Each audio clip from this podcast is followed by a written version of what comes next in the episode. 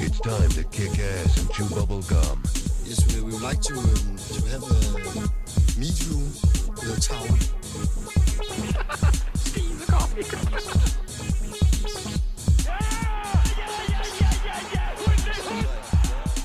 Velkommen til The Beer Talk Show. Podcasten, hvor vi går helt tæt på succesfulde inspiratorer og iværksættere, så du kan lære, hvordan de skaber deres succes. Her kommer din vært, Bjørn Vestergaard Barfod. Venner og veninder, så blev det tid til Bærtalk igen. Mit navn er Bjørn, og jeg er vært på den her podcast, hvor jeg hver uge interviewer inspirerende og ekstraordinære mennesker for at finde ind til, hvad der skaber succes for dem. Hvilke vaner, hvilke rutiner, hvilke strategier bruger de for at skabe succes i deres liv. Omdrejningspunkterne for den her podcast er jo som sagt iværksætteri og personlig udvikling. Og dagens episode er en meget speciel episode for mig, fordi sagen er faktisk den, at jeg må nok indrømme, at dagens episode lander rigtig, rigtig meget på personlig udviklingshylden, men øh, det gør det af en rigtig, rigtig god grund, og fordi vores gæst har en vanvittig inspirerende historie. Det er en personlig ven, jeg interviewer. Han hedder Søren Vejby. Han er skuespiller, han er journalist, han er foredragsholder, og han er også forfatter, så han er et multitalent af dimensioner. Inden jeg fortæller lidt mere om den her dagens episode med Søren, så vil jeg dog godt komme med en ordre. Ja, du hørte rigtigt. Jeg har faktisk en ordre til dig, der sidder og lytter med. Fordi sagen er nemlig den, at øh, jeg er ikke typen, der beordrer folk til særlig meget, men jeg har brug for din hjælp til at hjælpe dig endnu mere. Grunden til, at jeg har startet The Bear Talk Show er i korte træk, fordi at jeg vil gerne hjælpe dig som lytter, og jeg vil gerne hjælpe mennesker med at opnå større succes, større glæde i deres liv og i deres forretning. Det er i korte træk grunden til, at jeg har gjort det her. Det vil sige, at jeg laver podcasten for din skyld, og øh, det håber jeg, at det skinner igennem i det arbejde, jeg laver med podcasten. Men jeg vil gerne blive endnu bedre til at hjælpe dig med at lave den bedst mulige podcast, som øh, jeg synes, det er sjovest, når det er sådan, at det virkelig har et stort impact på de folk, der lytter. Og det ved jeg, det har det, fordi jeg får feedbacken, der siger, at folk tager nogle ting med, som gør, at de helt konkret øh, tager nogle forandringer i deres liv, som faktisk gør dem glædere, og som skaber forandring i deres forretning. Det har jeg fået en masse feedback på igennem tiden, men jeg vil blive endnu bedre til det her, fordi min ambition med Bear Talk, det er, at det skal være den podcast, der er aller, aller bedst til at gøre lige præcis det. Og øh, der er du simpelthen nødt til at hjælpe mig, fordi at jeg har selvfølgelig en meget klar idé om, hvad jeg gerne vil med podcasten, men podcast er jo et meget envejsformat, fordi at øh, det er jo sjældent, du har mulighed for at komme med dit input, men det har du faktisk nu. Så spids ørerne. Det bedste, jeg vil starte med først i forhold til det her, det er faktisk, at øh, der er præmier på højkant. Jeg vil ikke sige hvilke nogen, men det er i Bertalks ånd nogle rigtig, rigtig fine præmier, jeg giver til dig, som deltager i den her survey, i det her spørgeskemaundersøgelse, som jeg laver omkring Bertalk. Så jeg har lavet en survey, der tager cirka 5 minutter. Der er præmier, og jeg kan godt afsløre, at der er fine muligheder for at vinde en præmie, hvis du gider gå ind og deltage. Som sagt, jeg siger ikke, hvad præmien er, fordi jeg vil gerne have, at folk deltager, fordi de har en interesse. Du skal, du skal komme med dit indspark til det her podcast, fordi at det skal være det bedste produkt for dig. Ikke fordi, at du kan vinde en præmie eller noget, men fordi du vil være med til at være en af dem, der kan hjælpe med at gøre den her podcast endnu bedre. Som sagt, jeg har lavet den her spørgeskemaundersøgelse, og jeg beordrer dig til at gå ind og tage den her. Det tager som sagt 5 minutter, der er ingen undskyldning. Jeg kan sige som udgangspunkt, det tager mig et sted mellem 15 og 20 timer at lave hver eneste episode af den her podcast, og det er med research og så videre, og så videre. Jeg bruger rigtig, rigtig lang tid på det, men det gør jeg også fordi, at jeg brænder for det. Jeg håber, du vil gå den anden vej og give bare 5 minutter af din tid til at hjælpe med at gøre det her produkt endnu, endnu bedre. Måden du kan gøre det på, det er, at du kan finde, jeg har slået rigtig meget på trummen for det på de sociale mediekanaler, både inde på min Facebook-side og på LinkedIn. Så hvis du følger mig der, så er du i hvert fald blevet eksponeret for det. Hvis ikke du gør det, så skal du gå ind på den hjemmeside, der hedder barfod.bis-ask. Altså barfod, b a r f o e d .biz, b i z og så skråstreg, og så ask, som er engelsk for spørg, og som øh, gerne skulle gøre det lidt nemmere for dig, som sidder i, ikke lige foran computer og huske det. Stop for den her podcast. Brug de 5 minutter på det. Du kan vinde noget. Jeg bliver glad. Du bliver glad. Alle bliver glade. Er det ikke det, vi aftaler, vi gør? Fantastisk. Nu vil jeg ikke snakke mere om det, men jeg vil snakke mere om dagens episode af Bear Talk, fordi at jeg har som sagt fået en rigtig, rigtig speciel gæst med. Søren Vejby er en personlig ven, som jeg har mødt for en del år tilbage.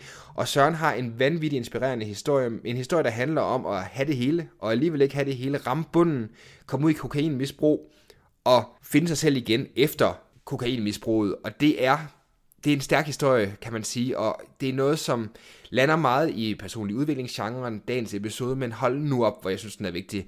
Det er, jeg ved godt, jeg siger det ofte, at øh, jeg er meget begejstret for det, men det her, det er helt ærligt en af mine yndlingsepisoder, fordi at vi snakker om nogle sindssygt vigtige ting. Vi snakker om, hvordan sociale medier påvirker vores verden. Vi snakker om, hvordan vores børn, Søren, han er far til, til en datter. Og øh, jeg er som sagt selv blevet far for en rum tid siden, og vi kommer til at snakke noget om, hvordan at det påvirker, hvilke udfordringer står vores børn over for i, det her verdens, i, i den her verden, som vi lever i nu. Søren han er også tv-vært på en, en række forskellige programmer, hvor han lige præcis har været ude og undersøge nattelivet, fordi han vil konfrontere nattelivet med, hvad er det egentlig vores børn og de fremtidige generationer bliver mødt med, når de går ud i nattelivet. Så den er sindssygt vigtig. Den er handler om, om, om, at, om at ramme bunden. Vi fortæller Sørens historie om, hvordan han selv ramte bunden, hvordan det her kokainmisbrug øh, gik ud og tog kontrol over hans liv, men også hvordan han genvandt kontrollen over livet, og hvordan hans kone stillede ham stolen for døren, og hvordan den rejse i det hele taget har gået.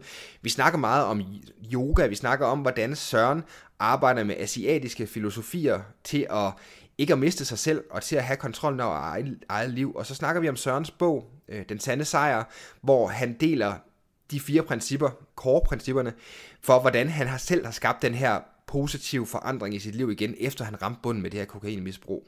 Jeg ved egentlig ikke, om jeg i den her intro nåede at introducere Søren rigtig nok, men du kan lige hurtigt få et rundown, fordi som sagt, Søren er et multitalent, det tør jeg godt sige. Søren han øh, fik sit gennembrud som skuespiller i tv-serien Livvagterne, hvor han havde en, en, en større rolle der. En stor dansk søndagsserie. Samtidig har han spillet med i Forbrydelsen, han har spillet med i Ørnen også, og generelt set har han en rigtig, rigtig fin skuespillerkarriere. Han har sideløbende med det taget en journalistuddannelse, og har skrevet hans første bog, Den Sande Sejr, som vi også kommer lidt ind på i podcasten. Han har også været på diverse programmer på Kanal 5, blandt andet øh, Unge i Nattens Klør, og specialenheden, som bliver sendt her senere på året. Så Søren han er en super produktiv person, og han er meget inspirerende. Vi snakker om nogle rigtig, rigtig vigtige ting i podcasten, som øh, jeg håber, du kan bruge til noget, uanset om du sidder her med en personlig udviklingshat på, eller om det er fordi, du er iværksætter. Søren har oplevet nogle vilde, vilde ting i sit liv, og øh, dem kommer vi også ind på, så alt i alt er jeg rigtig, rigtig glad for den her episode. Jeg har snakket rigtig meget, beklager, jeg skal ikke sige så meget mere andet, end jeg håber virkelig, du får fornøjelse med podcasten. Jeg håber, du kan bruge det. Og øh, hvis du godt kan lide det, så husk at dele det med en ven, der måske sidder i en rigtig, rigtig svær situation nu, fordi at nogle af de her værktøjer, som Søren han deler i podcasten, de er super brugbare, hvis det er sådan, man har mødt øh, modgang, og man er, har behov for at lidt oprejsning igen. Jeg vil ikke sige mere, det lover jeg nu. Husk, jeg har en øh, spørgeskemaundersøgelse, som du er nødt til at svare på. barfod.bis ask. Der er ikke mere for mig i gang med podcasten. Rigtig, rigtig god fornøjelse. Vi snakkes ved. Søren, velkommen til Bear Talk. Jeg har glædet mig vanvittigt meget til at komme her og besøge dig. Jamen, øh, tak. Søren, øh, det er en lidt sjov historie med os, fordi at, øh, vi lærte jo hinanden at kende for en del år siden, og det er sgu en lille verden, for nu sidder vi her i gang med at, at indspille en, øh, en podcast. Ja, Ja. Og det var sgu, øh, og det var jo til, var det til Dan Millman foredrag, var det sådan noget? Dan Millman foredrag i, hvad, 2014, tror jeg, ikke? Ja, det var Ude på øh, Alun havde øh, arrangeret. Ja, lige ja. præcis, ja. ja. Det er sgu meget sjovt, hvordan øh, det, er en, øh, det er en lille verden, må man sige. Ja. Søren, øh, det første spørgsmål, jeg gerne vil stille dig, det, det er sådan et meget øh, åbent, bredt spørgsmål, kan man sige, men hvad, hvad, hvad beskæftiger du dig med for tiden, eller hvad, hvad, hvad fokuserer du på i, i øjeblikket? Jeg fokuserer ret meget på, øh, på journalistik og øh, kommunikation. Øh, jeg tog en journalistuddannelse her, øh, som blev færdig med for øh, lidt over et år siden, og øh, ja, så har jeg egentlig beskæftiget mig med, med kommunikation og, og tv-produktion siden da. Ja. Er der nogle specifikke ting, øh, du, øh, du fokuserer på i forhold til det sådan øh, på nuværende tidspunkt? Jeg har øh, indgået samarbejde med Kanal 5, mm. Discovery, ja. som jeg øh, lige nu er ved at, at være tilrettelægger på øh, en politiserie, dokumentarserie, ja. som skal øh, blive færdig her i i løbet af år og skal sendes øh, i starten af 2018, som hedder Specialenheden, ja. hvor man følger øh, politiets arbejde. Det arbejde, som man kan sige, ikke er så synligt for borgerne normalt, fordi ja. vi vil jo gerne have, at, at politiet kommer ud hver gang, vi, øh, vi har hjemmerøveri eller ting og sager. Men de har jo meget andet arbejde at lave, og det vil vi gerne øh, prøve at portrættere på den bedst mulige måde enormt spændende, kan man sige. Jeg går også ud fra, at der egentlig er mange læringer gemt i, altså fordi det er jo vel nogle, hvad kan man sige, det er nogle specialenheder, som du ved, vi normalt ikke stifter bekendtskab med på samme måde. Er der noget, som du har taget med allerede nu fra, fra kan man sige, det er jo til tidlig fase, går jeg ud fra, at du er i, det, i med det, men er der noget, som, som du har taget med allerede nu, hvor du tænker, det skulle alligevel, øh, det er noget, som du er blevet inspireret af, kan man sige? Man kan sige, det som er interessant for mig som jo et eller andet sted, øh, som udenforstående i virkeligheden som journalist. Jeg, jeg, jeg kender ikke så meget til politiet, men det som jeg kan forstå er, at tingene jo bare har ændret sig utrolig meget i vores verden, også øh, i forhold til politiets arbejde. At hvor øh, i forhold til efterforskning for eksempel, kan man sige, så, så bare for 10, 15, 20 år siden, jamen hvis det nu var et drab, så var det det, man kaldte et nærdrab. Det vil sige, det var som regel, øh, ja, far eller mor, eller bror eller søster, øh, som havde begået det, eller en nabo, eller en god ven, eller et eller andet. Øh, og i dag ser verden bare helt anderledes ud. Øh, vi lever i en global landsby, det vil sige pludselig så, øh, hvis der bliver begået et mor, eller der sker en forbrydelse, så kan lige så godt være en eller anden, der er kommet ind for grænsen, øh, eller et eller andet, som det kan være naboen. Altså, og det gør politiets arbejde anderledes. Det gør så også, at de kan meget mere i dag, øh, men øh, de er også nødt til at specialisere sig meget i dag. Øh, og det er i virkeligheden det, som jeg er interesseret i, og som jeg også tror, at øh, danskerne vil være interesseret i at vide, hvad er det egentlig, politiet laver? Fordi hvorfor har de egentlig så travlt, når de ikke kommer, når vi kalder, ikke? Ja, ja. som folk jo brokker sig over, det forstår man jo også godt. Altså, men øh, men det, det er egentlig det, jeg har taget med. Så, så det her med den her verden, der åbner sig, og, øh, og at, at, at verden ser helt anderledes ud nu, end den gjorde for bare 10-15-20 år siden, og at det også påvirker politiets arbejde rigtig meget.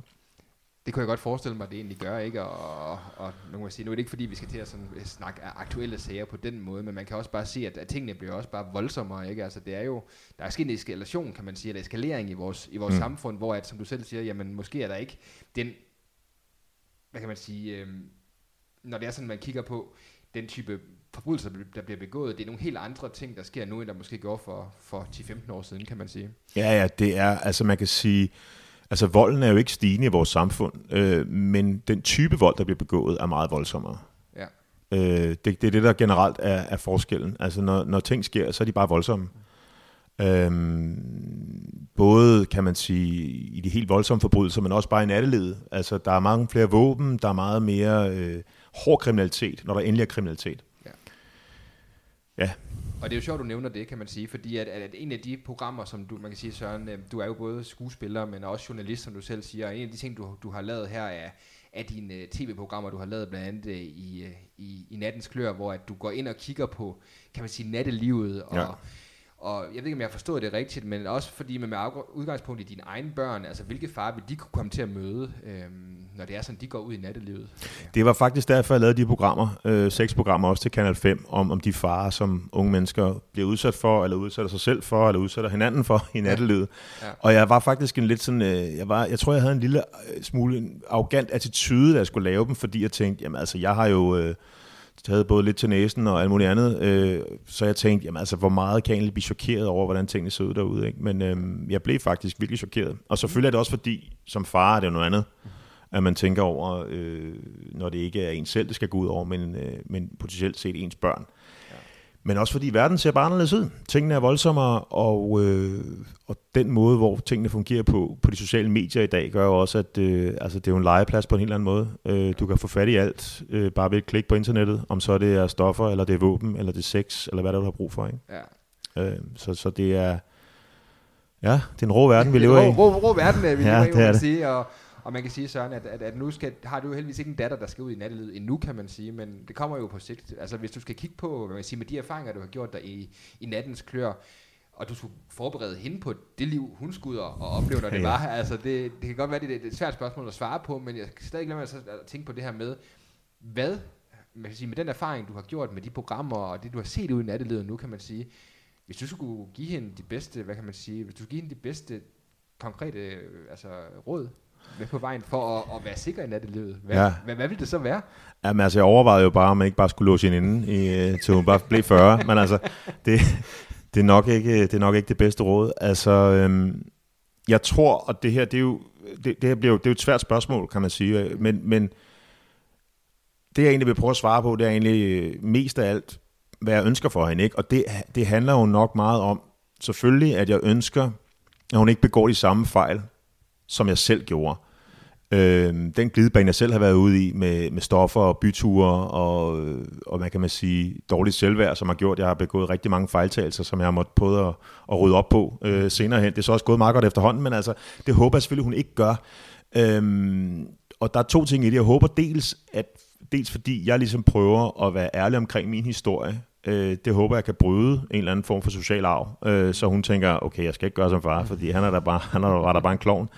Men jeg håber også, øh, at hun, øh, det jeg gerne vil give hende med, det jeg gerne vil give mine børn med i det hele taget, det er primært den her øh, tro på sig selv, og, øh, og tro, at de er gode nok, som de er. Det tror jeg vil have hjulpet mig rigtig meget, øh, og vil kunne gøre, at hun kan forhåbentlig tage nogle bedre valg, i nogle, hvis der kommer nogle tilspidsede situationer, og lige øh, mærke efter og sige, okay, det der har jeg ikke lyst til, og der skal jeg ikke gå hen, og sådan nogle ting og sager. Øh, det er det, og så øh, ønsker jeg også for mine børn, at de ikke er så hårde for sig selv. Altså, de tør lave nogle fejl. Øh, fordi man kan jo ikke låse dem inde, og det vil sige, de skal jo også ud og, og altså, øh, og slå sig lidt. Altså, og det må de også godt, bare de ikke slår sig alt for meget. Ja. Øhm, men konkrete råd er, er, er svært. Ikke? Det er så svært at sige, hvor skal man ikke gå hen, hvad skal man ikke gøre, men altså, hvis de tror på sig selv, og, øh, og ikke føler, at de skal gøre et eller andet, fordi alle mulige andre gør det, så, øh, så er det noget langt. Øhm, en af de ting, jeg er mest bange for, Bjørn, det er egentlig de der... Øh, det er den måde, de sociale medier betyder, hvad, hvad de betyder for unge mennesker. Ja. Hvor, hvor meget de egentlig bare øh, er blevet en naturlig del af deres, af deres gørne og laden, ligegyldigt hvor de er henne af. Altså, ja. Det synes jeg er rigtig farligt. Forskellen på dengang jeg gik ud øh, hvad hedder det, i, i nattelivet og, og, og nu, det er jo bare, at de, de er jo på hele tiden. Ja. De unge mennesker. De er på hele tiden. Mm. Og, øh, og det gør, at øh, når de er inde på øh, en eller anden øh, klub eller sådan noget, så skal de have, de skal have det rigtige bord, og de skal drikke den rigtige vodka, og, øh, og de skal også... Øh, Øh, de skal også helst snappe omkring det, eller, øh, eller tage et billede til Instagram omkring det. Øh, de skal performe hele tiden. Og, øh, og hvis jeg kan give hvis jeg kan give mine børn en eller anden fornemmelse af, at det behøver de ikke. Altså, det er okay, at de er, de er så, øh, ja, så har jeg gjort et helt okay arbejde, tror jeg. det er jo det, og det, det, det er jo rigtig, rigtig spændende, det du siger der, Søren, fordi at, at, at, at det er lige præcis også en af de her tendenser, som, som jeg ser, som også virkelig, virkelig kan være skræmmende også. Som du ved, jeg er også lige blevet far for et års tid siden, ja. og, og det her med, at når man ser, hvordan sociale medier påvirker deres liv, og man kan sige, at, at en ting er, at, at, at mobning er ikke blevet mindre slemt af, at, at, at, at de unge mennesker er så meget online, som de er, ikke? Altså mm. det der med, at, at du ved, de har mobiltelefoner, de er rigtig unge. Ja. Altså, der er en ting er at blive, blive mobbet i skolen, det er ikke sjovt i sig selv, men en anden ting er at få sms'er og øh, på alle ens sociale medier blive bombarderet med altså, noget, som, som mobber der fuldstændig i jorden, kan man sige. Ikke? Ja, du har, ikke, du har ikke et fristed. Altså jeg kan huske, jeg havde det der med, jeg havde nogle, nogle svære år faktisk, øh, jeg tror lidt, det var... Øh, der skete rigtig meget, da mine forældre blev skilt, men, men før det havde jeg også nogle, nogle, nogle situationer, kan jeg huske, hvor jeg egentlig havde svært ved at, at være med i den seje gruppe i klassen. Og jeg havde sådan en frirum. Jeg kan huske, når jeg kom hjem og ligesom fik... Øh, jeg drak en kop te med min mor, så gik jeg op på mit værelse. Og så kunne jeg ligesom, du ved, jeg legede med Lego, jeg havde en mobil, jeg har nok været 9-10 år gammel og sådan noget, og så kunne jeg ligesom forsvinde væk i den der verden. Mm. Øh, og det kunne jeg gøre, selvom jeg havde en kammerat med hjem, men også hvis jeg var alene. Jeg ligesom kunne være væk fra det der. Ja øh, og ligesom fortælle min egen historie og lege, og, og, og så kunne jeg ligesom glemme problemerne, om ikke andet for en stund. Ikke? Og her er de jo netop øh, de er jo på 24-7, øh, og, og hvis de ikke får lov til at komme med øh, veninden med hjem, så kan de være sikre på, at, øh, at, ikke være sikre, men de kan jo godt frygte, at de så sidder og veninden sidder sammen med de andre veninder og lige skriver på Facebook, ej, hvor har vi det sjovt, alle de bedste veninder er her, og, mm, mm, mm, ikke? Ja, ja. og så kan den der udenfor så få lov til at sidde derhjemme og kigge på sin telefon og tænke, nå, fedt nok, jeg er så den eneste, der ikke er med her. Ikke? Ja, ja. Øh, så det er, jo, det er jo, ja, så du har fuldstændig ret. Det er, og det er også sjovt, ikke, det der med, at man siger, at, at, at man snakker rigtig meget i disse tider omkring fake news, men der er jo også fake realities, fordi at det, altså, mange folk er rigtig trætte af sociale medier, fordi folk er efterhånden begyndt at gennemskue, at sociale medier viser jo ikke øh, sandheden. De viser jo, det er jo en, hvad kan man sige, et for, forskyndet billede af den sandhed, vi lever i, ikke? Jo. Altså, det er jo en strategisk udstillelse af de ting, man gerne vil vise, ikke? Jo. Og det er jo egentlig noget, der fordrer på en eller anden måde misundelse og, og, og andre ting, fordi hvis du kun ser de gode sider af en, altså det er fandme de færreste, der tør at sige, altså man kan sige, du har været enormt åben omkring din egen historik, mm. heldigvis, og, og har tur gå imod strømmen, hvor at, at mange, jamen så ser man måske alle de gode ting, der er ved det, men mange folk, de ser ikke alle de negative sider, der er ved det, fordi det, det er en folk, det er en, en side, folk de vælger strategisk, eller være med at udstille, for det har man ikke lyst til at vise. Nej, og man kan sige, altså man kan også hurtigt få, øh, altså man kan hurtigt ryge ud i en shitstorm, ikke? Jeg har flere kolleger, der, du ved, lige kommer skri- til at skrive en eller anden opdatering, eller siger et eller andet i et radioprogram, eller et eller andet, øh, som er ment på en eller anden måde, og folk hører måske ikke engang radioprogrammet, eller sætter sig ind i, hvad der egentlig er sket, men, øh, men kommenterer bare på det, og så stikker det bare af, ikke? Ja. Øh, man kan sige, at de sociale medier øh, er jo også rigtig gode. Altså, jeg, jeg bruger Facebook rigtig meget. Øhm, og det, man jo egentlig skal gøre, og det er ikke altid god nok til, men det, man egentlig skal gøre, det er jo at at gå ind og kigge på sit feed, mm. og sige, hvem er det, hvad er det egentlig, jeg følger? Øh, og hvis jeg kun følger, kan man sige, nu som skuespiller, kan man sige, hvis jeg kun går ind og har 500 venner, de alle sammen er skuespillere, mm. Øh, så kan jeg være ret sikker på, at når vi får en ny regering for eksempel, så er jeg ret sikker på, at øh, alle skriver opdatering, øh, og det er som regel lidt venstreorienteret, uha, Lars Løkke, og Sort Blok, og Puha, og Liberale Alliance, og DF, og så får du alt det der. Ja. Øhm, og det er jo fint nok, men det vigtige, tror jeg, er, at du går ind i dit feed og siger, godt, øh, hvilke politikere er jeg ue- uenig med, ja. og så skal du følge dem. Mm. Øh, hvilke medier øh, er uenig med, så følger du dem. Mm. Så du får, så du ligesom, du selv, du er selv ekstremt ansvarlig for, at det feed, du får, ikke bare bliver det her ekokammer, øh, hvor du kan lave en opdatering, og så alle, øh, alle giver thumbs up, og hvor har du evig ret, og puha, og linker til de artikler, øh, som vi alle sammen har læst alligevel. Altså, det er det der med at sige, jamen okay, hvis du, kan man sige, hvis, hvis den, hvis den øh, avis, du bedst kan lide, eller øh, har den samme holdning som af politikken, så køb Berlingeren. Mm. Altså fordi, ellers så, øh, så, så, så vokser du ikke som menneske. Altså, øh, og derfor så er det klart, man følger både øh, Trump og Hillary, ikke? Øh, ja. Sådan er det ligesom, altså. Og det, det, det er egentlig sjovt, du nævner det, fordi at det er også en af de ting, som jeg virkelig har observeret meget. Jeg synes, at øh, specielt her de sidste 4-5 år, det blev enormt polariseret. Det blev meget enten os eller dem. Det, det er, altså, man ser ikke hele det politiske spektrum, kan man sige, som, øh, som noget, man kan sige, man, det er enten er du ond, eller også er du god. Ja, Det, ja, ja. Det, det er sådan meget trukket op i Ja, og spidsen, så, ikke? og så kommer det an på, hvilken side du er af stregen, ikke? Og, Ja, ja, ja. ja. og på den ene side, der er de andre onde, og på den anden side, de andre gode, ikke? Og, og, og, og tingene er jo lidt mere øh, kompliceret end som så, som regel, ikke? Øh, så, det, så man kan sige, Facebook er, og de andre sociale medier er gode på den måde, at, at de giver jo nogle muligheder for at følge nogle ting, og følge med i nogle ting, som vi aldrig kunne gøre før. Men ansvaret ligger bare meget hos den enkelte, og, og den enkeltes feed, og, og det er vi måske ikke altid gode til. Og så kan man sige, nogle gange, så, så deler folk et eller andet og siger, har I set det her? Ikke? Og så kigger man på det og siger, okay, du har fundet en eller anden iransk øh, hjemmeside, hvor de påstår et eller andet om amerikansk politik. Ikke? Altså tjek lige medierne, tjek lige din kilde, ikke? Og, og det, det, det kræver meget af forbrugeren, kan man sige. Og der, der er vi nok ikke altid gode nok til at, øhm, at forstå det, Nej, og forstå, hvad fake news er øh, i virkeligheden. lige præcis. Søren, øh, vi snakker om, kom lidt tilbage fra det her med, øh, med, med nattens klør, kan man sige, som øh, jo, øh, hvor du var lidt ude i nattelivet. Hvad kan man sige, øh, hvis du skulle nævne sådan den, hvad kan man sige, den, den vildeste ting, eller sådan det mest grænseoverskridende for dig øh, med det her program, hvad, hvad var det? Ja, men det var helt klart, da jeg interviewede en, øh, en ung sugar dater. Øh, ikke en sugar daddy, men, øh, men en sugar dater, øh, som... Øh, Som, og hvis ikke, at vores lytter kender det koncept, kan du så lige hurtigt forklare, hvad det går ud Ja, på? men altså, det er, jo, det er jo sådan en ting, hvor man kan sige, øh, en sugar daddy er ham med pengene, Mm. og, øh, og øh, hende her sugar baben øh, giver så sine ydelser mod at få øh, penge, eller et hotelophold, eller hvad det er. Mm. Øh, det, er jo, det er jo sådan en prostitution på en ny måde. Det jeg tror det er det, man i gamle dage ville kalde en holddame. Ikke?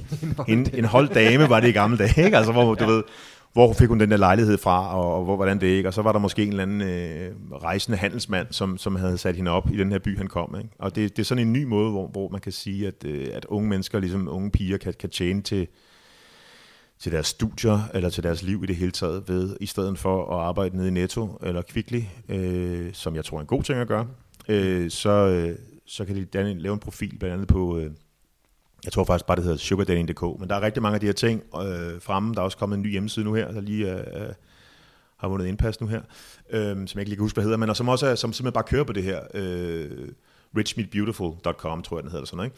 Ja, ja. Øh, så, og, og jeg var ude og interviewe en af de her øh, unge piger som sugar dater, og hun smider mig ud øh, midt i det hele, øh, fordi der kommer en, og de skal have øh, et hurtigt blowjob. Mm.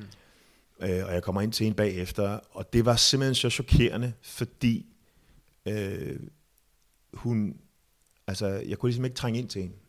Øh, jeg spørger på hende, til hende på et tidspunkt, sådan, du ved, jamen altså, hvad hvis du fik en kæreste? Altså, det kunne også være fedt, og du ved, måske kunne I bare gå en tur og gå ind i biografen eller noget andet, ikke? Og jamen, hun var ikke så meget til det der øh, kæresteri, altså hun ville have nogle ting og sådan noget. Og så siger jeg, men hvad, altså, hvis du nu skulle beskrive, hvordan din kæreste skulle være, altså hvis du nu skulle have en kæreste, hvordan skulle han så være? Og så siger hun, han skulle have en fed bil, han skulle have en stor lejlighed, han skulle altid give mig gaver, og, og man kan sige, hun var selvfølgelig også øh, på mange områder et, et brændt barn, af mange andre årsager, øh, som desværre ikke øh, kom med i programmet, men sådan er det nogle gange jo. Men, øh, men det var det mest skræmmende, fordi jeg, jeg bilder mig selv ind, at jeg er ret god til at tale med folk, øh, på, altså både politimanden og forbryderen og, og, og manden på gaden og direktøren og ting og sager. Men hende her, øh, jeg vidste simpelthen ikke, hvad jeg skulle gøre. Jeg gik derfra sådan fuldstændig... Øh, jeg var virkelig ked af det, da jeg gik derfra. Jeg følte ikke, jeg havde gjort nogen som helst forskel. Øhm, andet end bare nærmest at udstille hende på en eller anden måde. Og det var måske også vigtigt nok, og det ville hun, hun ville jo gerne faktisk være med øh, i programmet og kende præmissen og sådan noget, men, men jeg havde håbet, jeg kunne påvirke hende ikke? Øh, i en anden retning, og det kunne jeg slet ikke. Jeg kunne slet ikke trænge igennem. Det var, det var, det var frygteligt. Det må være svært, det må være svært at møde dem, øh, altså, der har det på den måde, kan man sige. Ikke? Altså, det der med, at, at, at hvor at, at, at må jeg, sige, jeg, mener, jeg har ikke set programmet, men kunne forestille mig, at det skal være en yngre person og så videre. Man kan sige på den måde, at jeg har hørt lidt det her med, øh, jeg har set nogle af de her øh, dokumentarprogrammer, der har været om sexindustrien generelt, og selvom det her ikke er helt ligestillet med sexindustrien, så er det jo alligevel ret tæt deroppe af, kan man sige, på et eller andet plan, ikke? Jo, det bliver jo sådan lidt newspeak, eller, eller nysprog, som man kalder det på dansk. Altså man kalder det bare sugar dating, men dybest set er det jo prostitution, ikke? men man kalder det bare noget andet, øh, og det, ja, det er jo bare frygteligt. Altså også fordi øh, de konsekvenser, øh, ens handlinger har, når man er helt ung, dem, dem opdager man jo først, som jeg selv har gjort, meget, meget senere i livet. Altså, Ja. ja. Så får man nogle ar på sjælen, og det, det opdager man jo ikke, når man er 18 eller 19 eller 20. Altså, som, Så er man bare på vej ud af verden, og Ja, ja. hele til bare lyst ud, ikke? Men, Ja. øh, og kan man lave 10.000 i en weekend, når man er i Amsterdam med en eller anden øh, forretningsmand, så gør man det, ikke? Ja. Altså, heldigvis er det jo ikke alle, der gør det, men, øh, men det er skræmmende. Altså, og det er også skræmmende, fordi det på en eller anden måde er blevet så accepteret i vores, i vores samfund. Altså, Ja, alene, alene det, man har et, et udtryk for det, der, altså, at, altså sugar dating lyder jo enormt uskyldigt egentlig, når man tænker Ja, ja, over det, ja. ikke? Men, men altså, at det er blevet alligevel så accepteret, at, at, at det er noget, som alle mand kender på en eller anden måde. Altså, ja. alle mands eje, kan man sige. Ikke? Ja. Søren, øh, enormt spændende, og vi har været lidt inde på tidligere i podcasten her, altså man kan sige, din baggrund, den, øh, det er jo det her med, at, at, at, at du har jo været ude i et, et stort misbrug, blandt andet øh, kokain var du specielt meget afhængig af. Det er Ja. jo din historik, som du har været meget åben og delt omkring, kan man sige, og, og kommer vi selvfølgelig også lidt ind på det lidt senere, men Søren, det første spørgsmål, jeg gerne vil stille dig i forhold til dit, øh, dit misbrug, kan man sige, det er det her med, hvad skete der, eller fortæl mig om det øjeblik, hvor du besluttede dig for, at jamen, nu skal jeg simpelthen stoppe det her. Øhm, hvad, hvilke tanker gik der gennem dit hoved, og hvad var det for en situation, der ledte op til, at du lige pludselig øh, valgte at, at, lægge den her utrolig dårlige vane på, øh, på hylden, eller afhængighed, må jeg nok hellere sige. Jamen altså, man kan sige, jeg, øh, jeg prøver lige at komme med et, et, et mellemlangt svar her, Mm. fordi der, der, er jo, der er jo selvfølgelig, øh, der ligger jo en del, øh, en del historik bag øh, den her beslutning, men det starter jo med, at jeg, jeg lever det her bohemliv, øh, hvor øh, at, jeg øh, ryger hash og, og tager coke, og lever egentlig primært som weekendnarkoman, men har jo også på et tidspunkt en kolumbiansk coke dealer boende på min sofa, mens jeg går på teaterskolen. Men føler egentlig, at jeg lever lidt det frie liv på en eller anden måde.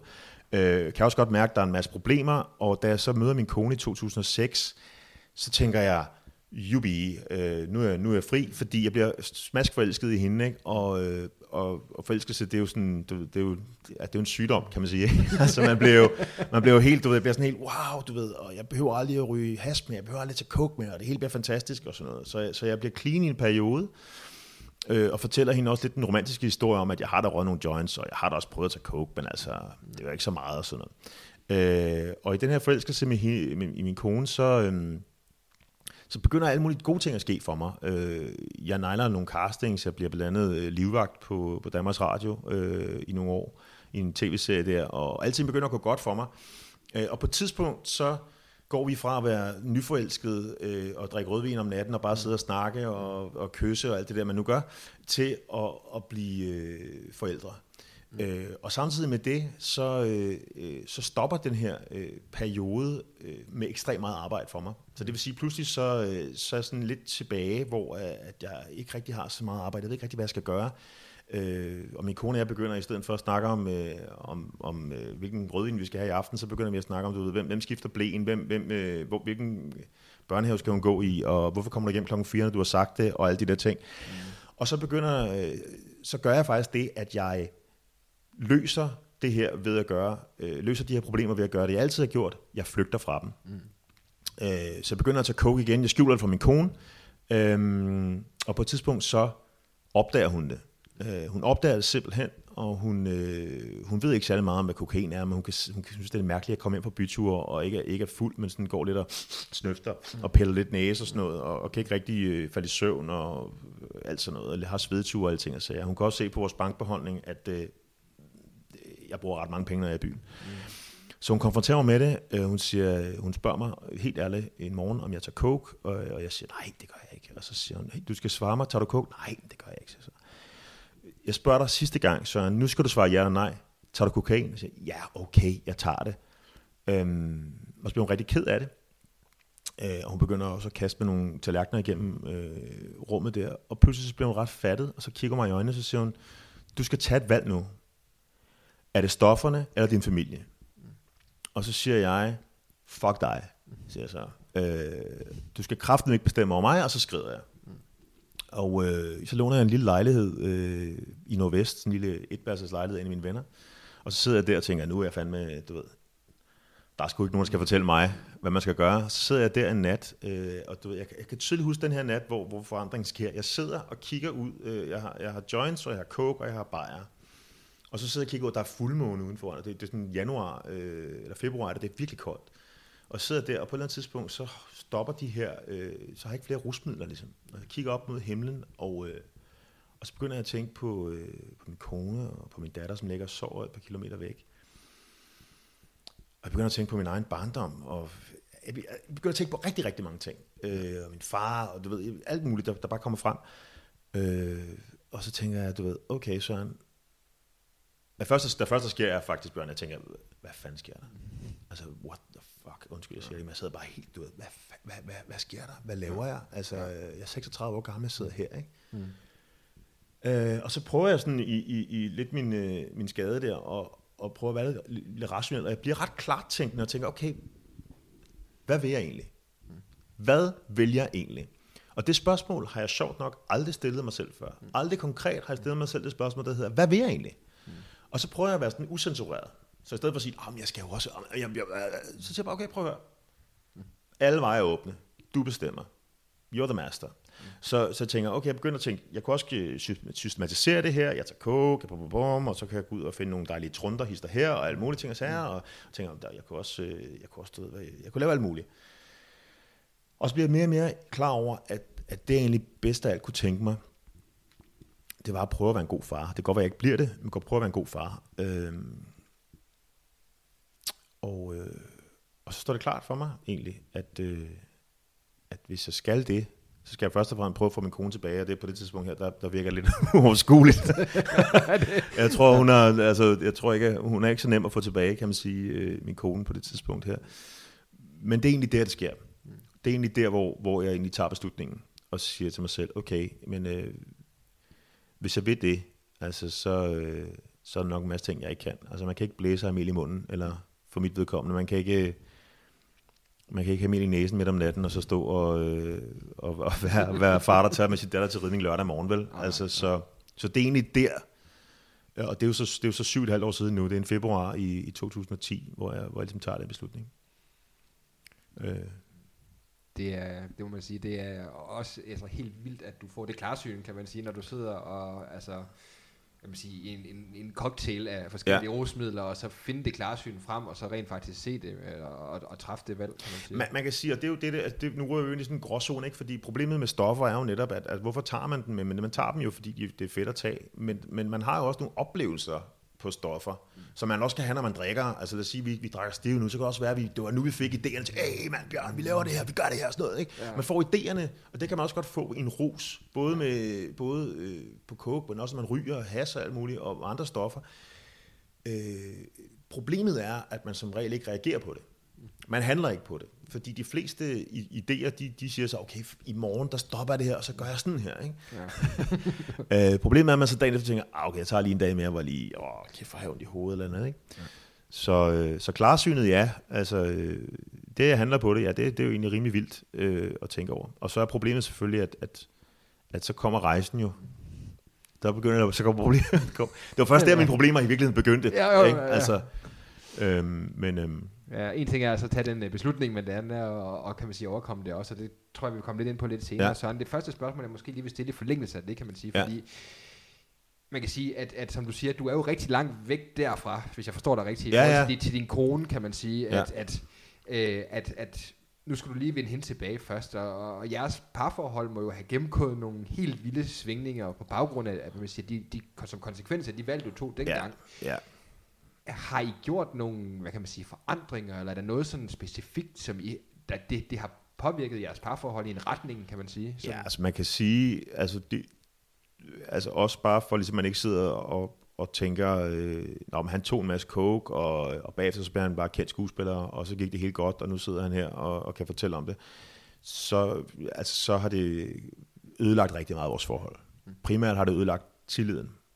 Øh, jeg har løjet rigtig meget, og, øh, og, og min kone er sådan øh, en meget fantastisk øh, kvinde. Hun er også lidt sådan øh, den gamle skole. Altså, øh, øh, hun giver sig hen til en person. Det var så mig. Jeg svigtede hende. Øh, og, og selvom at, at hun tog mig tilbage, så, så kan man sige, de riser i lakken er jo ikke noget, der bare så, ej, men så holder du op med at tage coke, og så bliver vi glade igen. Altså, øh, så, så det har vi slåsset, bokset rigtig meget med, og, øhm, og, har begge, og vi, har, vi, vi har gået meget terapi sammen, øh, og også gået i terapi hver for sig, øh, fordi hun havde jo også en masse ting, hun ligesom skulle finde ud af, hvor- hvorfor har jeg egentlig, hvorfor har jeg egentlig det her forhold, og hvad, hvordan skal jeg være her, mm. hvis, jeg, hvis jeg gerne vil være sammen med ham igen, og vi skal få et barn mere, og ting og sager.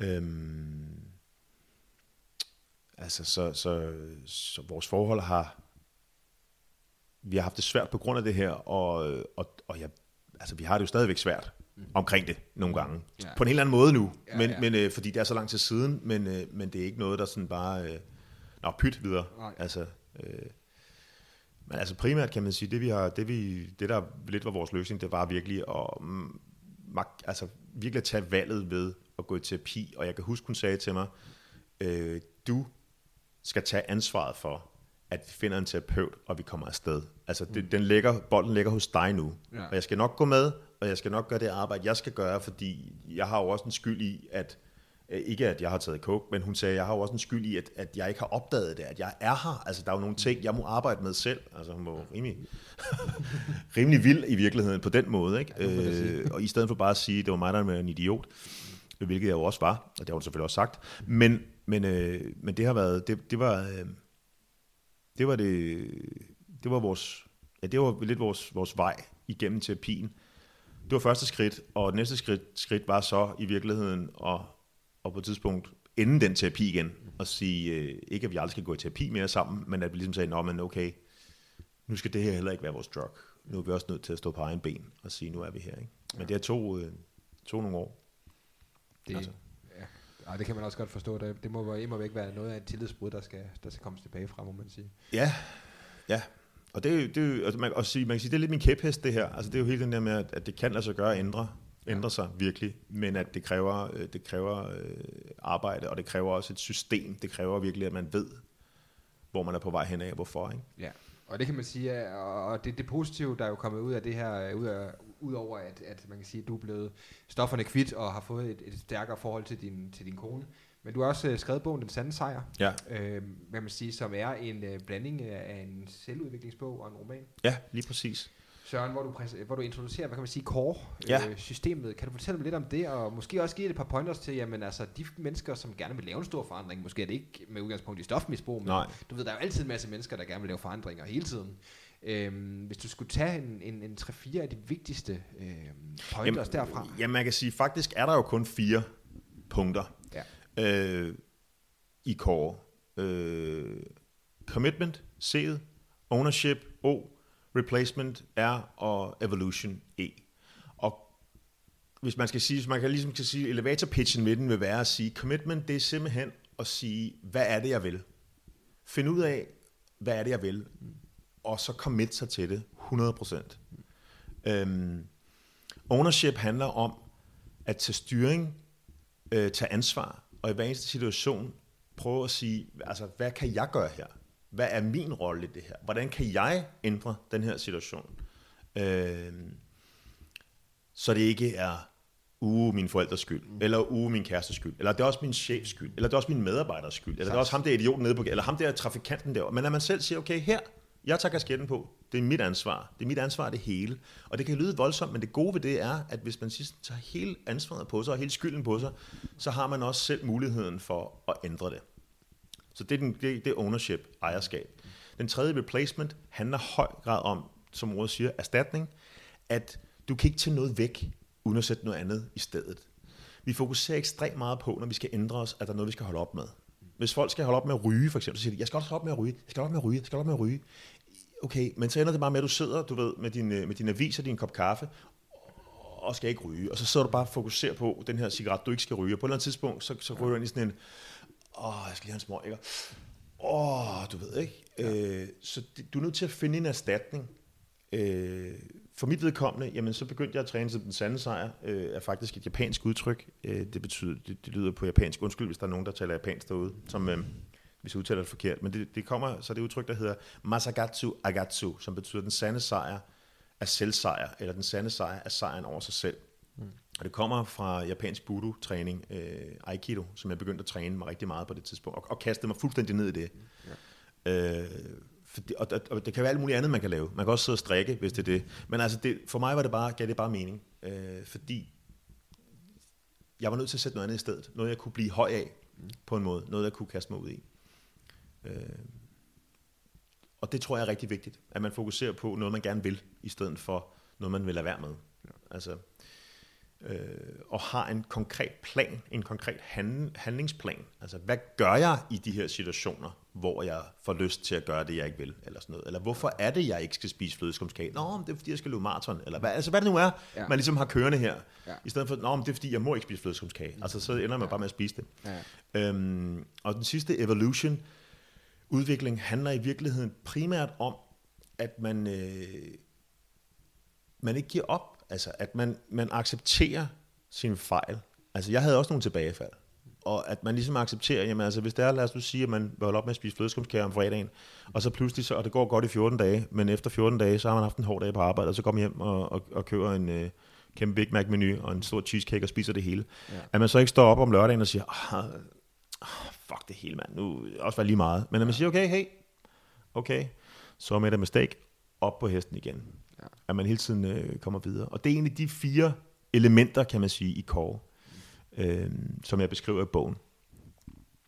Som, som jeg tænker kan bruges øh, både, hvis man som mig øh, har ude et misbrug, men også kan bruges i rigtig mange andre sammenhænge, både professionelt og privat.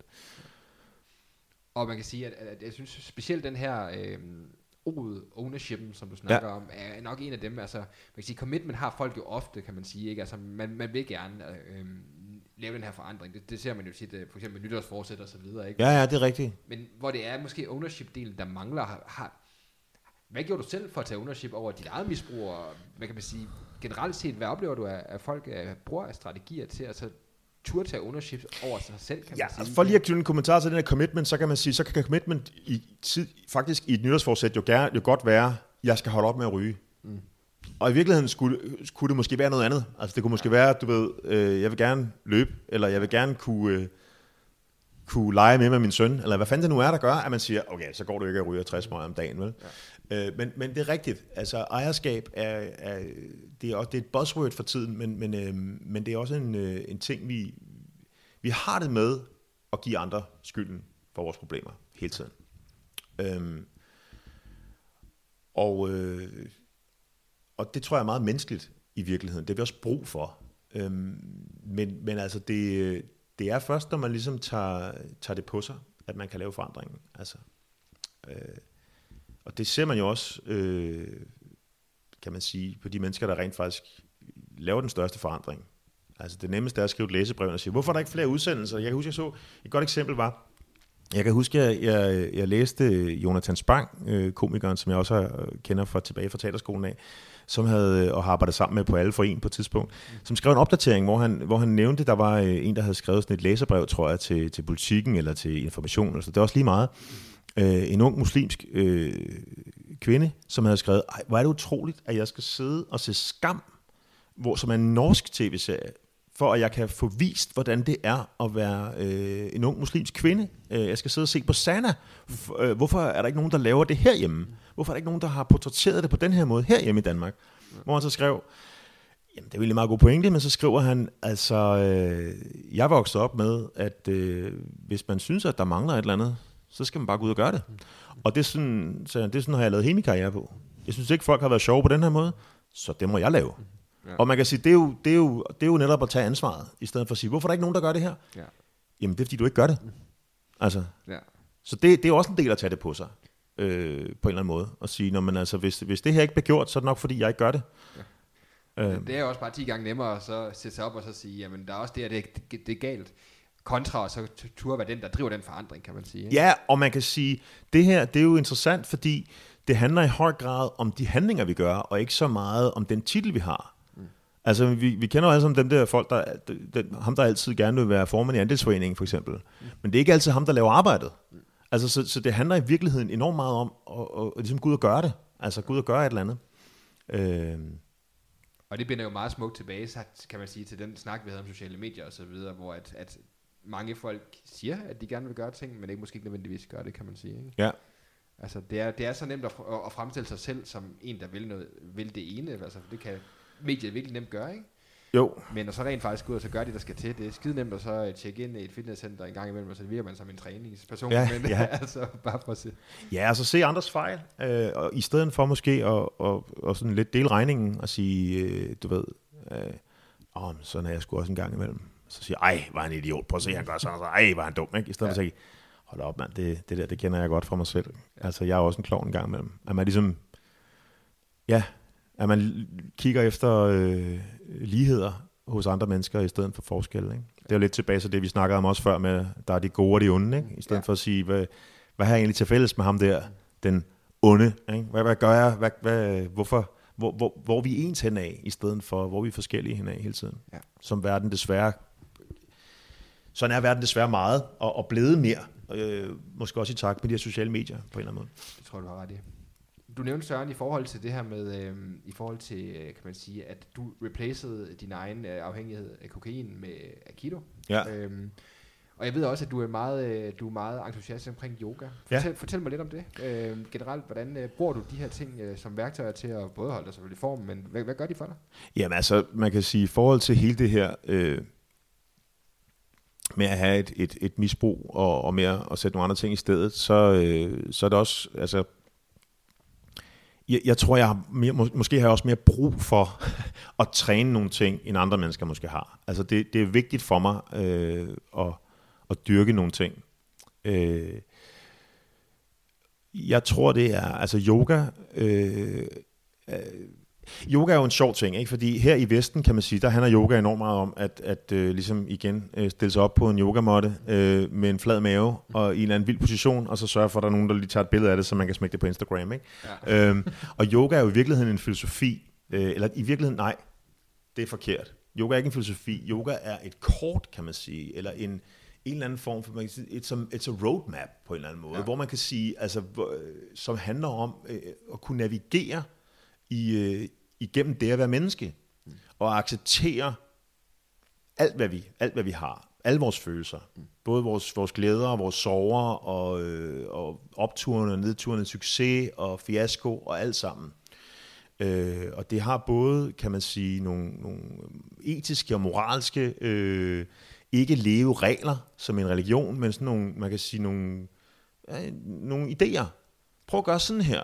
Hvis du har et problem, prøv, prøv, prøv at tænke sådan her. Prøv at tænke sådan her.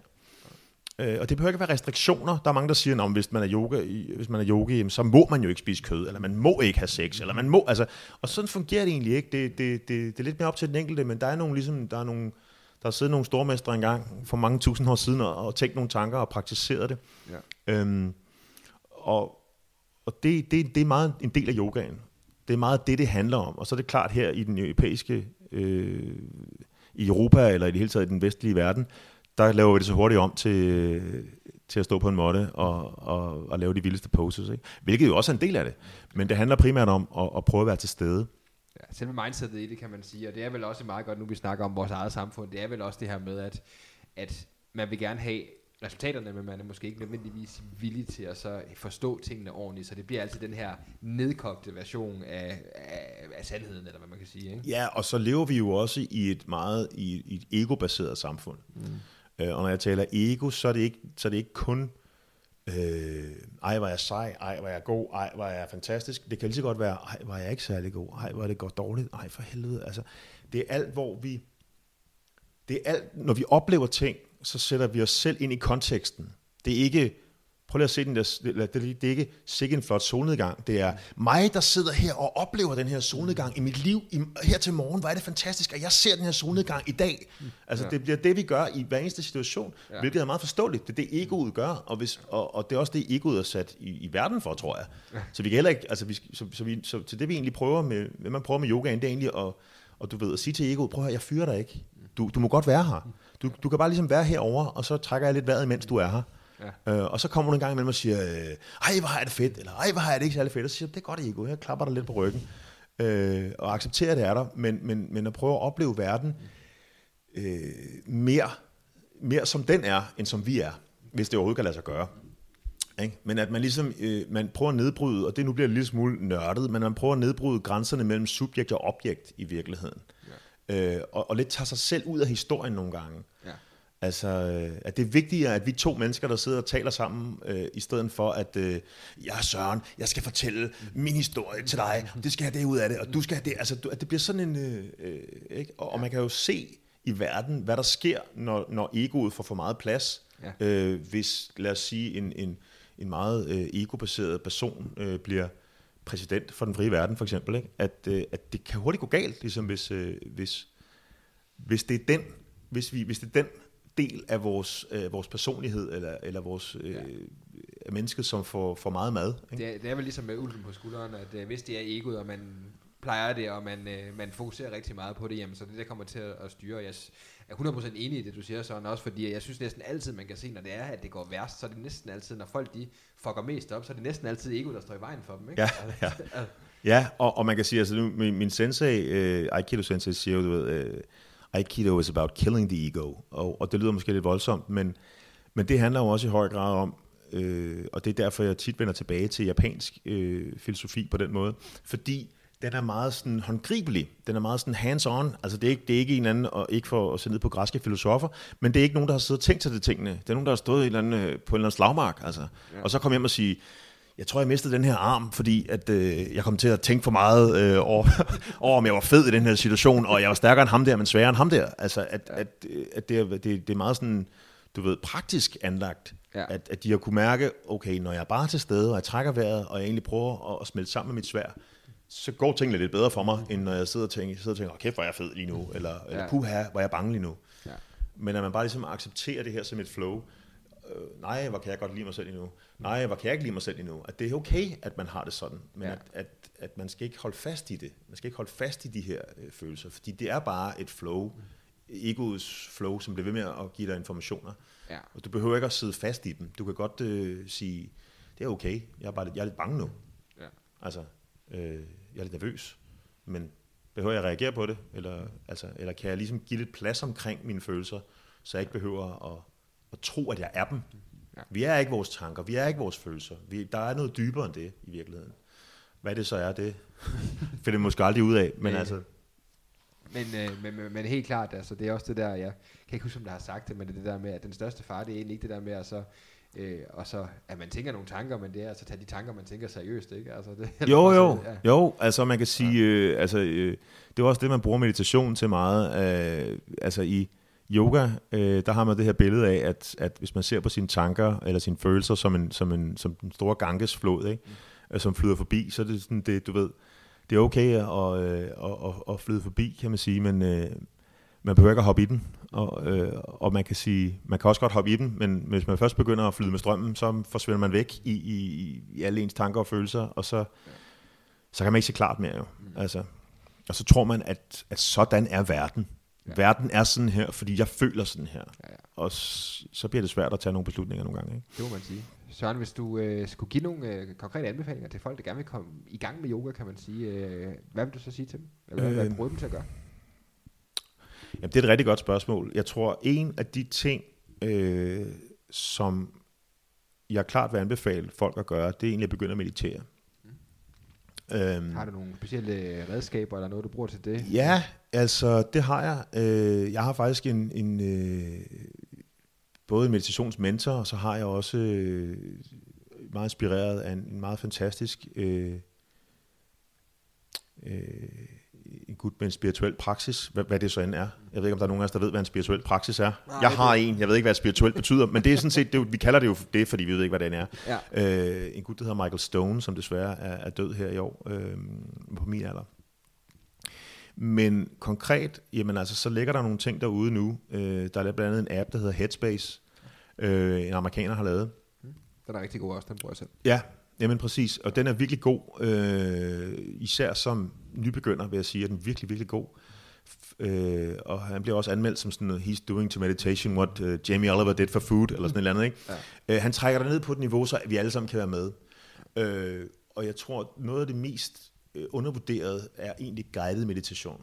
Altså, at, øh, at hvis vi skal lære at svømme, for eksempel, så, så, så har, får vi fat i en svømmelærer. Altså, vi kaster os ikke bare ud i, på det dybe vand, og så håber vi kan finde ud af et eller andet. Ja. Men det gør man lidt, når man mediterer. Man tænker, "Jamen, det er noget med, at jeg skal sætte mig ned og trække vejret. Ikke? Sætte mig ned og trække vejret. Ja. Men, men det, og det er jo egentlig rigtigt nok. Men det er ligesom sådan, du ved, vejen derhen er bare rigtig svær. Så, så guided meditation. Øh, og, øh, og, så, og, og så ligesom, at Headspace er en god ting, ikke? Øh, og det er 10 minutter. Han har sådan et, et intro, som hedder Take 10 for 10 days, ja. øh, som man kan få gratis. Øh, og 10 minutter hver dag er jo til at overskue, mm. og, øh, og der er ikke noget med, øh, så har du, så har du husk at læse det med småt, eller sådan noget. Han giver bare de der 10 dage, øh, og han er, i, i og for sig er- appen heller ikke særlig dyr, hvis man så endelig vælger at fortsætte. Mm. Men det tror jeg er en rigtig god måde at, at starte på, øh, at meditere. Øhm, fordi det er egentlig også det, man skal bruge i sin yogapraksis. Øh, og så handler det jo om, og det er jo svært, det handler om at finde en god lærer. Øh, at finde en god mentor. Øhm, og øh, ja, og det er egentlig vigtigere end hvad det er for en yogaform, man laver, eller hvad det er for nogle, hvad for nogle stillinger, man, man kan, men at man finder det rigtige sted. Hvordan fandt du din egen mentor? Øh, jamen altså, jeg har, jeg har trænet yoga forskellige steder. Jeg har haft nogle utrolig øh, dygtige yogalærere. Øh, lige nu praktiserer jeg faktisk mest alene. Øh, og, og jeg er også uddannet yogainstruktør, så jeg, jeg underviser også i det, men, men, men altså, jeg, det er mest det er pragmatiske årsager, at hvis jeg skal have plads til min yogapraksis, så er jeg nødt til at lave den tidligere om morgenen, inden familien vågner. Øh, skal jeg så færdig klokken syv, som min datter siger, drikker hendes vækkeur. Øhm, det er ikke altid, det lykkes, vil jeg sige. Nogle gange så sover jeg også bare længe. Men, altså, men, øh, men jeg vil sige, øh, min mentor eller er jo nok øh, i høj grad, øh, altså jeg har jo en sensei øh, i Aikido, øh, og, øh, og det er nok, han er nok et af de vigtigste øh, mennesker i, i forhold til hele min udvikling. Han, jeg startede jo med Aikido på det tidspunkt, hvor jeg besluttede mig for, at nu skal jeg holde op med at tage, tage coke. Så han har jo også set, øh, øh, altså et, jeg ved ikke, hvordan jeg har set ud de første par gange, jeg er kommet ned. Ikke? Altså, øh, øh, og det er egentlig ikke, fordi jeg er, øh, altså han er, jo, han er jo min sensei på en eller anden måde, øh, men, øh, men det er jo det er en, altså, man kan sige, det, det er en relation, der har været rigtig svær for mig, øh, fordi det, er jo, det er jo på en eller anden måde sådan en, en hierarkisk øh, relation. Vi er jo ikke lige. Han er min sensei, jeg er hans elev. Ja. Øhm, og, øh, og, og det har, det har været svært for mig, også fordi jeg har, jeg har i mange år, øh, måske i virkeligheden det meste af mit liv, haft et meget problematisk forhold til min far. Øhm, og det er ikke, fordi jeg behøver at komme så meget ind på det her, men det er en, det er en svær relation at finde her, og, og det, som jeg kan, det, som jeg kan ønske for, for, for mennesker, der går ud og skal, skal prøve at finde en eller anden form for spirituel lære, hvad det så end er, det er jo, det er jo at finde en eller anden, hvor, at man, øh, hvor det er okay, at man er, som man er. Øh, og det betyder ikke, at altså, der skal være grænser. Det er også vigtigt. Altså, øh, altså min sensei, han kører jo en dojo. Det tingene skal være på en bestemt måde. Der er et hierarki. Du er nødt til, altså, du er nødt til at gøre, som vi gør hernede. Hvis ikke du gør det, så kan du ikke træne her. Der er nogle meget øh, konkrete grænser, øh, men der er ikke grænser for kærligheden.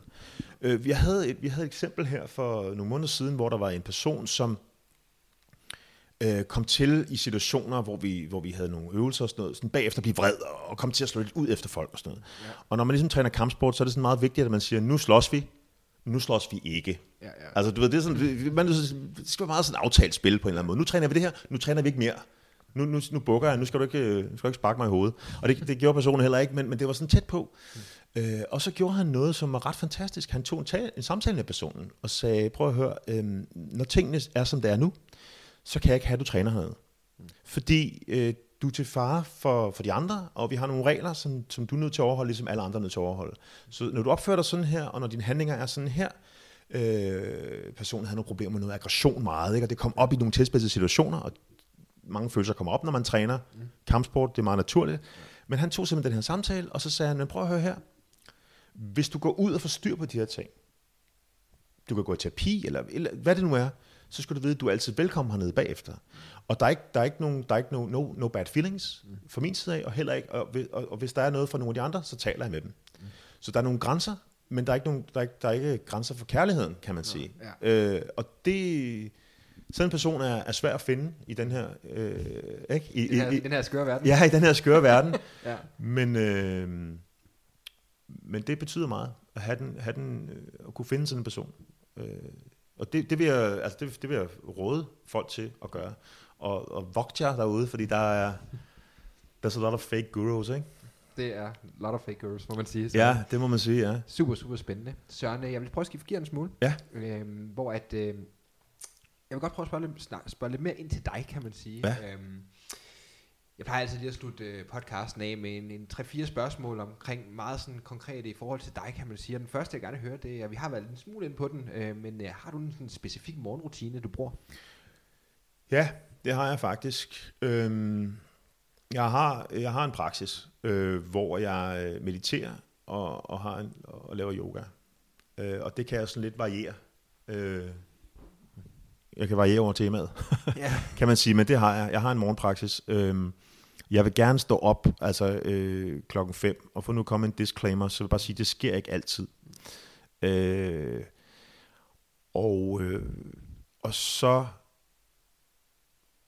og jeg, jeg har ligget sådan i hårde forhandlinger med min kone omkring det, øh, fordi hun har nogle gode pointer. Altså, øh, øh, faktisk kan jeg huske øh, Dan Millman, Ja. som vi jo øh, var ude at se, ja. øh, skriver en af sine bøger, jeg tror det er den, der hedder The 12 Steps, eller nej, det hedder det faktisk ikke jo, men altså han har sådan 12 trin til en bedre økonomi, eller noget, hvor han skriver i starten øh, i den bog, at han har sådan, hvor han har sådan, jeg huske sådan et billede af, at hans øh, søn kommer over til ham, og så siger han sådan, Shh, far mediterer! øhm, og, og det, det, jeg har været præcis sådan der. Ja. Shh, far laver yoga, for vores allesammens skyld, for jeg kan blive et bedre menneske. Gå over og lege med Lego. øh, altså, så, men jeg har en praksis, øh, som består af noget meditation og noget yoga. Øh, og jeg har også faktisk en, en, en meditationsmentor, som, jeg har, som, som giver mig noget, noget materiale, jeg kan sidde og arbejde med, når jeg mediterer. Mm. Øh, og så kan man sige, for nu at nævne ham, Michael Stone, som desværre døde her i, i år, øhm, han siger, han har et podcast, øhm, Dharma Talks hedder det faktisk, de er gratis, man kan gå ind og høre dem, Dharma Talks, øh, hvor han blandt andet siger, en af dem siger, always run through the capital. Det han egentlig mener med det, det er, praksisen er jo her og nu. Eller som min, min, min yogalærer jeg havde, øh, sagde på et tidspunkt, efter, øh, efter vi havde trænet yoga, så siger hun, øh, tak for i dag, nu begynder jeres yoga. Ja. Så, så, så jeg prøver egentlig med den yoga-praksis, jeg har om morgenen, øh, prøver at gøre mig klar til dagen. Altså, Ja. Så jeg ikke øh, ender med at blive sur på min kone, fordi hun er lidt morgensur. Eller, eller jeg synes, hun er morgensur, selvom det egentlig er mig, der er det, eller hvad det nu er. Ja. Og jeg tror mig, det lykkes ikke altid, men det er det, det, er det, det handler om meget. Det er en god start på dagen. Ja, og så er der også noget med, kan man sige, altså det, det er dejligt at stå tidligt op, ikke? Øh, jeg er ikke så god til det altid, men, men der sker bare et eller andet, når man har været tidligt op. Når man er simpelthen klar, Ja. ja. og de andre vågner, så, du ved, så er man sådan lige lidt forud på point. Ja. Ja. Øh, det er meget rart. Til at erobre dagen, har jeg hørt Tony Robbins sige. Ja, ja, Alle, ja, ja. altså, Altså, Jamen øhm. altså, det er jo, øh, faktisk kan man sige, Tony Robbins er et godt eksempel, ikke? Der er også øh, Robin Sharma, der er mange af de der øh, seje drenge, amerikanere der, som, og de har jo alle sammen den der, hvor de siger, stå tidligt op, altså. Mm. Og jeg kan huske, for nu at, at være lidt jordnær, så kan jeg huske, at jeg, jeg så engang et, et, et foredrag med Peter Olbæk, mm. som forklarede, hvorfor at han var blevet så stor en succes som producent. Og så sagde han, det var fordi, han boede i Køge, og så kunne han enten tage det tog, som gjorde, at han kom sådan lige til tid, og nogle gange kom han lidt for sent. Eller han kunne tage den, det tog, som gik så halvanden time tidligere. Så han altid mødt meget tidligt på, på filmskolen. Ja. Så han havde bare sådan lidt en halvanden time om morgenen, hvor han sådan kunne forberede sig ja. øh, på en eller anden måde. Så øh, ja, stå tidligt op. Så tidligt op, og ja. tage det tidligt tog ind for Køge. Ja, ja tag det tidligt tog for Køge, ja. og hvis ikke du bor i Køge, så tag det til Køge, og så tag ind igen. Ikke? Ja, præcis. Ja. Søren, øh, hvilken bog øh, har du anbefalet mest til andre? Og du må selvfølgelig ikke sige din egen, men øh, ud over det. Eller givet til andre i gave måske? Øhm, ja, det er et, et godt spørgsmål egentlig. Øh, Jeg tror nok, at det igen øh, nok er Dan Millman, tror jeg, øh, Way of the Peaceful Warrior, øh, Den fredelige krigers vej. Det var den, der fik mig i gang med at, øh, at vide, at det var Aikido, jeg skulle træne. Øh, det er en rigtig god bog på rigtig mange områder. Øh, der er nogle rigtig gode god fortælling, og så er der nogle rigtig gode sådan send-anekdoter i. Det vil nok være mit... I, I hvert fald også, hvis det handler om, om kan man sige, øh, ikke bare at læse en fed øh, krimi, men altså ja. at, at skulle ændre sit liv. Ja. Det, er en, det er en god start. Mm. Og den er meget jordnær. Altså. Ja. Han er meget inspirerende, den møder, må jeg sige. Meget, ja. Meget. Øhm, Søren, tre hurtige spørgsmål tilbage. Ja. Så er vi ved at være, tid, tiden øh, flyver jo afsted i ja, godt det selskab. Det. Ja, det er det.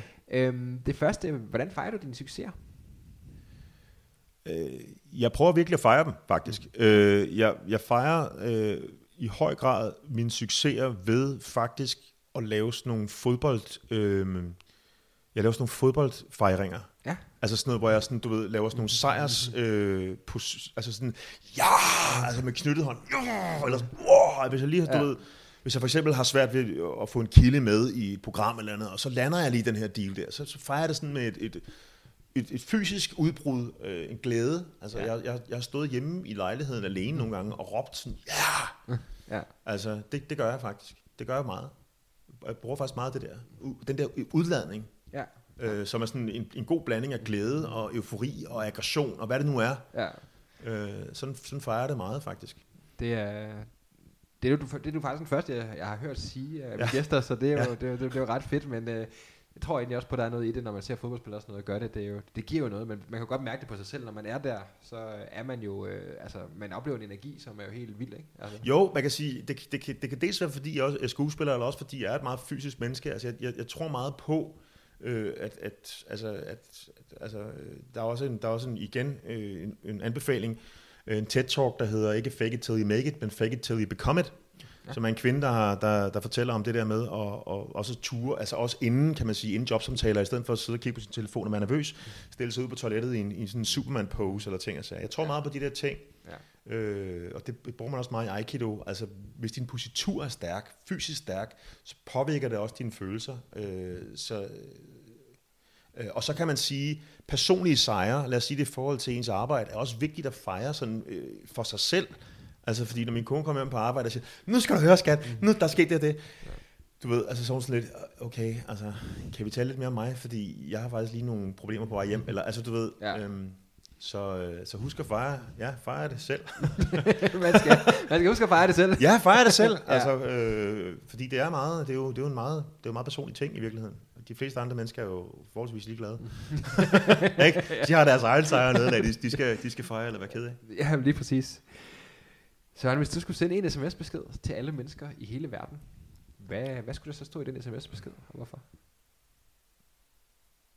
Åh, oh, det er et godt spørgsmål. Øhm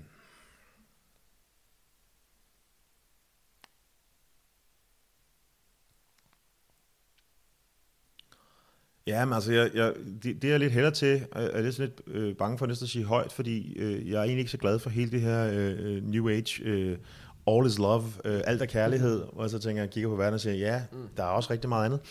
øhm, men, øh, men det skulle nok være noget at gøre med at øh, øh, tro på sig selv, øh, og, øh, og tro på andre, og måske i virkeligheden... Øh, prøve at behandle alle andre mennesker som om, de var dig.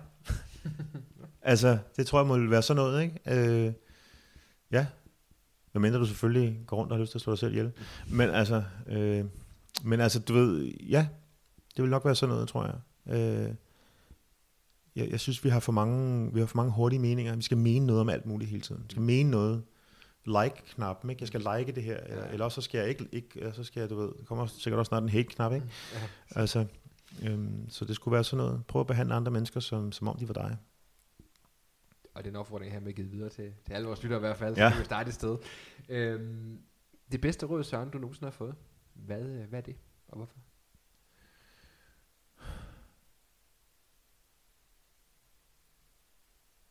Bedste råd, jeg nogensinde har fået. Øhm. Hmm. Hvor lang tid har vi? jeg lige tænke mig om her.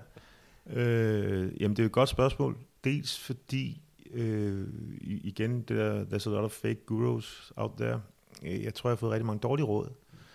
Øhm, jeg tror, det bedste råd, jeg egentlig har fået, har været, at, øh, at ligesom ture være mig, øhm, og ture øh, og give plads til det. Nu har vi siddet og snakket om, at alt det her ego, man ikke skal, skal gå så meget op i, men, øhm, men jeg har bare haft nogle konkrete situationer, hvor jeg har lidt troet, jeg skulle gøre tingene på en bestemt måde, eller skulle være ligesom andre mennesker, eller tænkt, kan vide, hvordan ham der vil gøre det, eller hende der vil gøre det, og så prøvet at, at, at mime det. Det har lidt været en af mine store problemer i, i livet i mange år.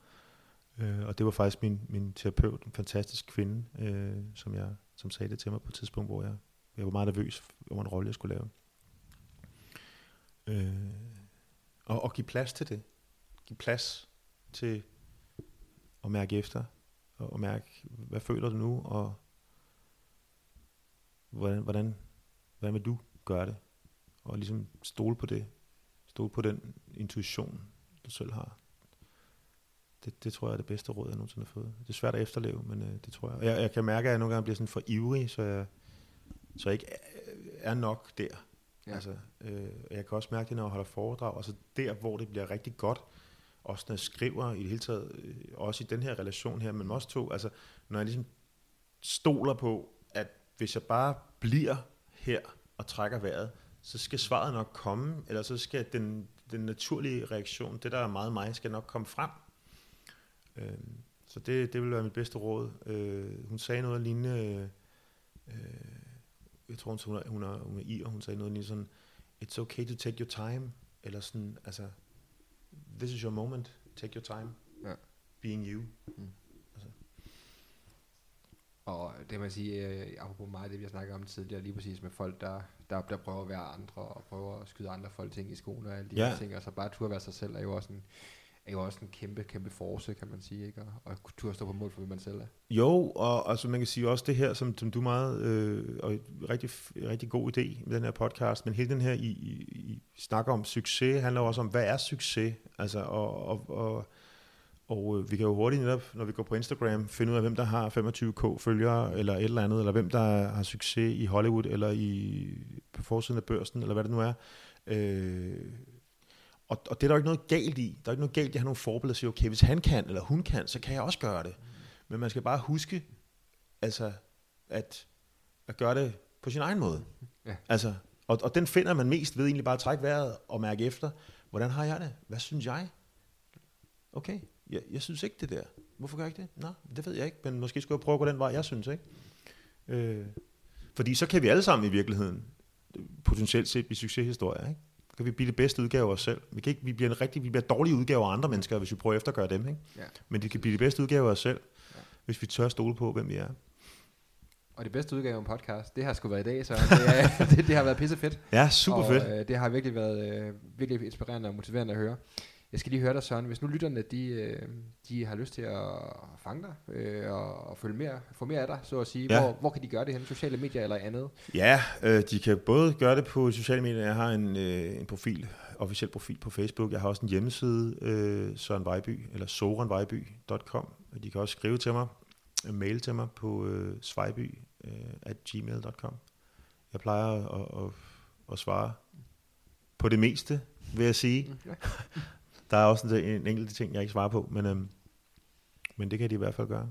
Og ellers så følg min, øh, følg min Facebook-side der og, og, og skriv til mig der. Det er ikke, den er ikke altid så aktiv. Jeg prøver, prøver på at øve mig i ikke altid at være så aktiv. men øh, men øh, hvis der sker noget nyt, så, så, så sker det også der. Fantastisk. Søren, uh, tusind tak, fordi du har lyst til at deltage. Jamen øh, selv tak. Ja, det er Bjørn her.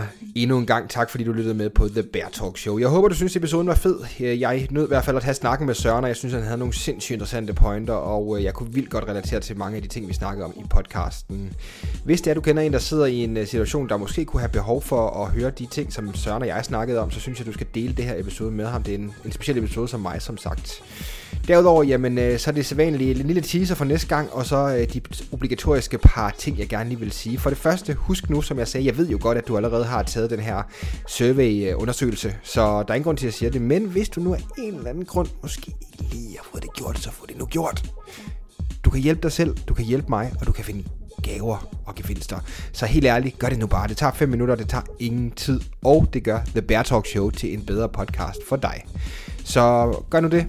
Derudover så øh, vil jeg sige som altid, ratings og reviews. Jeg vil super gerne høre din mening, ikke kun i øh, det her format, men også gerne hjælpe andre lyttere med at finde The Bear Talk Show. Så tag et smut ind forbi, øh, ind forbi øh, podcast inde i øh, Apple iTunes, og øh, giv et ærligt review og en kommentar. Det vil jeg sætte stor pris på. Det hjælper mig med at så navigere, og det hjælper andre lyttere med at finde podcasten.